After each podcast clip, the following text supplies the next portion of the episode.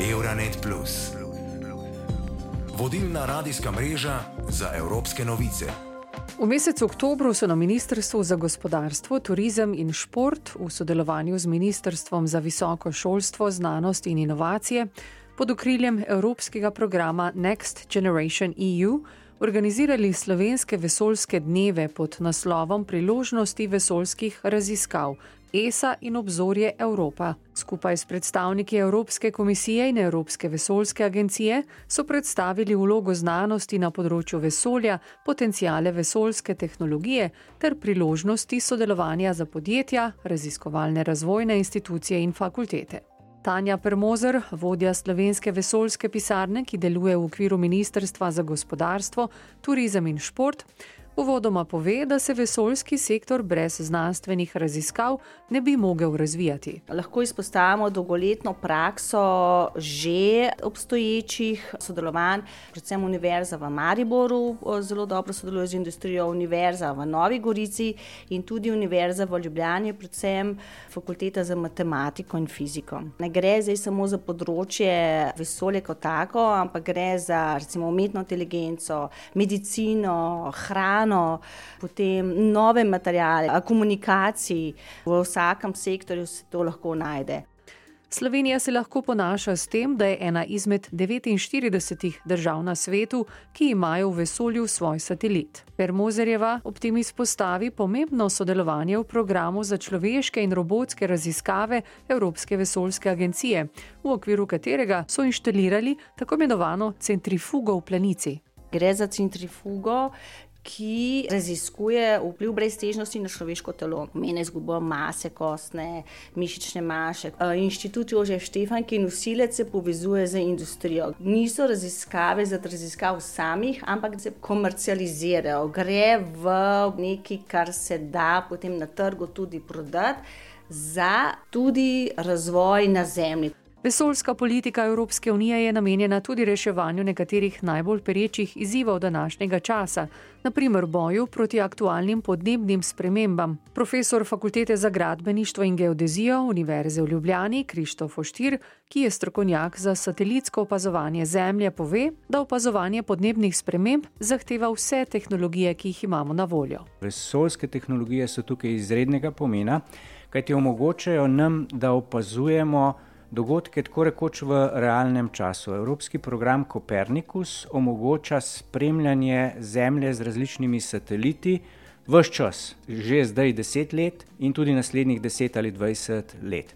Slovenska podjetja so na nekaterih področjih, konkretno prav opazovanju zemlje, pa umetni inteligenci, vodilna v svetu. Razvijajo aplikacije, ki jih uporabljamo v kmetijstvu, v gozdarstvu, v, v spremljanju naravnih nesreč, pa tudi na področjih, kjer jih ne bi direktno pričakovali, recimo pri vplivu turizma vplivu industrije, prometa na naše okolje. Težava, ki jo imamo, pa ne le Slovenci, je pa premehno število ljudi, ki to znanje lahko uporabljajo. Namreč okoljskih problemov je ogromno, zanesljivo veliko večje, kot je število rok ali pa glav, ki te probleme rešujejo. Po besedah profesorja Oštirja živimo sedaj v zlatih časih opazovanja Zemlje. Namreč Kopernikus posreduje toliko podatkov, da jih ne moramo obdelovati lokalno, obdelujemo jih lahko samo v oblaku. Še več, obdeluje jih lahko vsakdo, ki ima dostop do spleta in do računalnika. Na ta način smo na nek način prišli do demokratizacije opazovanja Zemlje, kajti vsak posameznik lahko vidi, kaj se s planetom dogaja, in mu ni treba verjeti, kar mu govorijo, mogoče tudi lažejo politiki. Raziskovanje vesolja predstavlja sanje tudi mnogih mladih predstavnikov tako imenovane podnebne generacije. Profesor Štir pri svojem delu s študenti opaža, da se mladi podnebnih sprememb še kako zavedajo. Oni so tista generacija, ki podnebne spremembe vidijo, jih razumejo in so tudi pripravljeni nekaj narediti, tudi žrtvovati svoje obdobje na tem področju. Umetne inteligence se ne bojijo, jo uporabljajo s pridom pri svojem delu. Nekaj pa je potrebno še narediti na področju ozaveščanja o zmogljivostih in omejitvah umetne inteligence.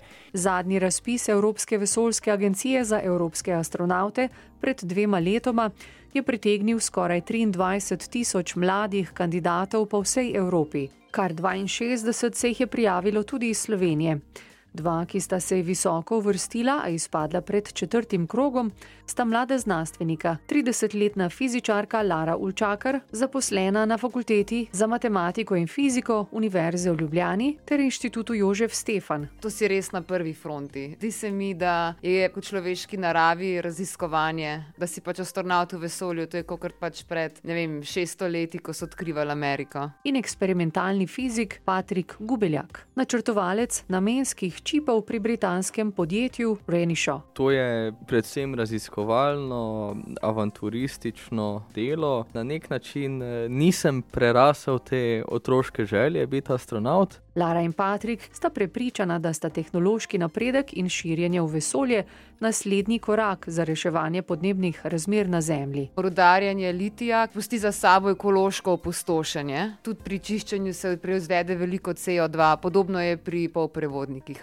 Če bi se recimo rudarjenje preselilo v vesolje, da bi se rudarili asteroide v asteroidnem pasu, bi se pač te industrije znebili. Dolgoročni načrti in upanja so, da bi izumili efektiven način prenosa energije. Lahko bi imeli solarne elektrarne okrog Sonca, ki bi bile v bistvu veliko bolj efektivne. Recimo na Zemlji se veliko sončeve energije zgubi v atmosferi. Poglejte, GPS sateliti, koliko bolj učinkoviti so naredili ladijski transport. Zato, ker se lahko ladje držijo in koridorjev in izmaknejo vremenu in na ta način seveda prihranijo veliko energije in posledično CO2. -ja. Tudi razvoj je sedaj v tandemskih sončnih celicah, ki imajo bistveno večji izkoristek. Vlaganje v tehnološki razvoj, ki je motivirano z raziskovanjem vesolja oziroma raziskovanjem Zemlje iz vesolja, vodi do indirektnih posledic, ki so zelo dobrobitne, ravno zaradi povečanja učinkovitosti, zmogljivosti proizvodnih linij na splošno. Med največjimi potencijali Slovenije na področju raziskovanja vesolja izpostavljata mlada znanstvenika pomožno industrijo, ki podpira evropsko in svetovno vesoljsko industrijo.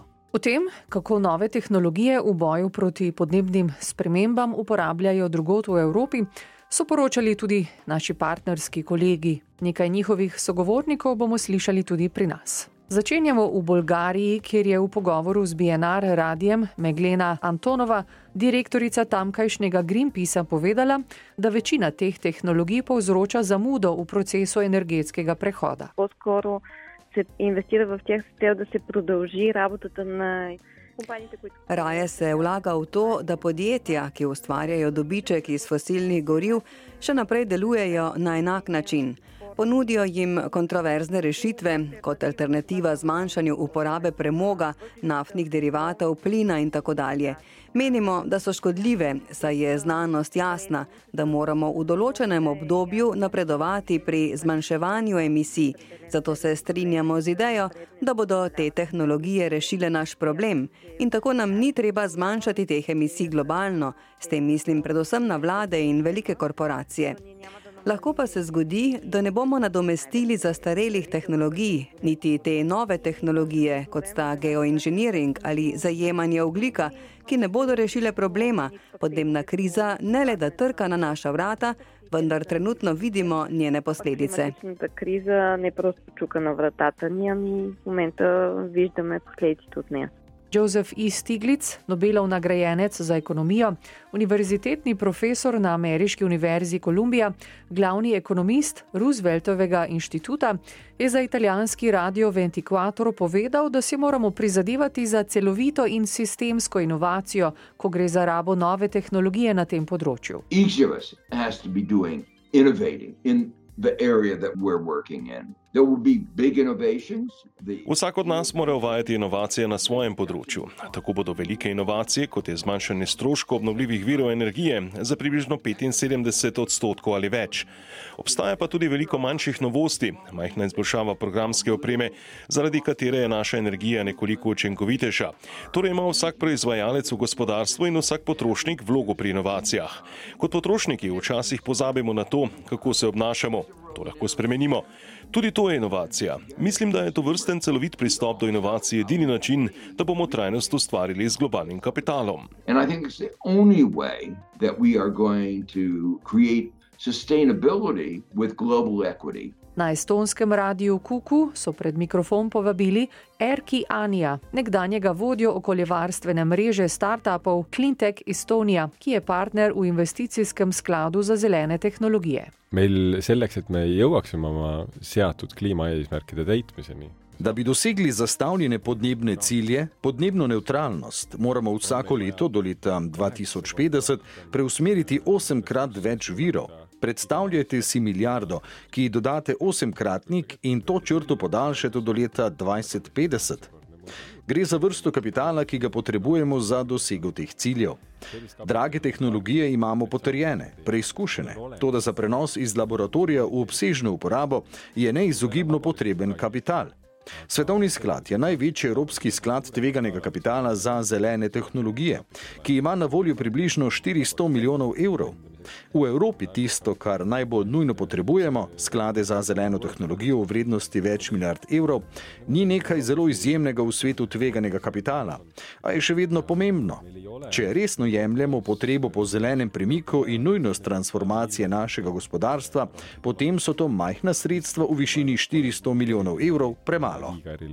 aga, aga siiski. et kui me nüüd võtame tõesti seda tõsiselt, et meil on rohepööre ja meil on vaja muuta majandust, Veran Meyer, uradnica za digitalno regulativno politiko pri fundaciji Heinrich Böll, je igrala vodilno vlogo pri knjigi z naslovom Pametna tehnologija za boj proti podnebnim spremembam, ki jo je objavila njena fundacija.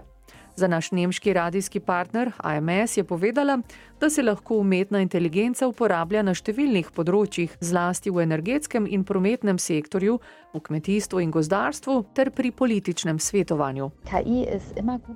Umetna inteligenca igra osrednjo vlogo pri ustvarjanju napovedi. Z analizo vzorcev v preteklih podatkih lahko umetna inteligenca naredi napovedi, pa naj gre za proizvodnjo veterne energije, obseg prometa ali prihodnje podnebne spremembe.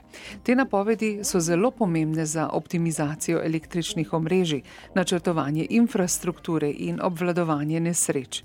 Raziskave imajo tudi koristi od umetne inteligence, saj lahko pospešijo proces eksperimentiranja z uporabo metod umetne inteligence, kot je strojno učenje.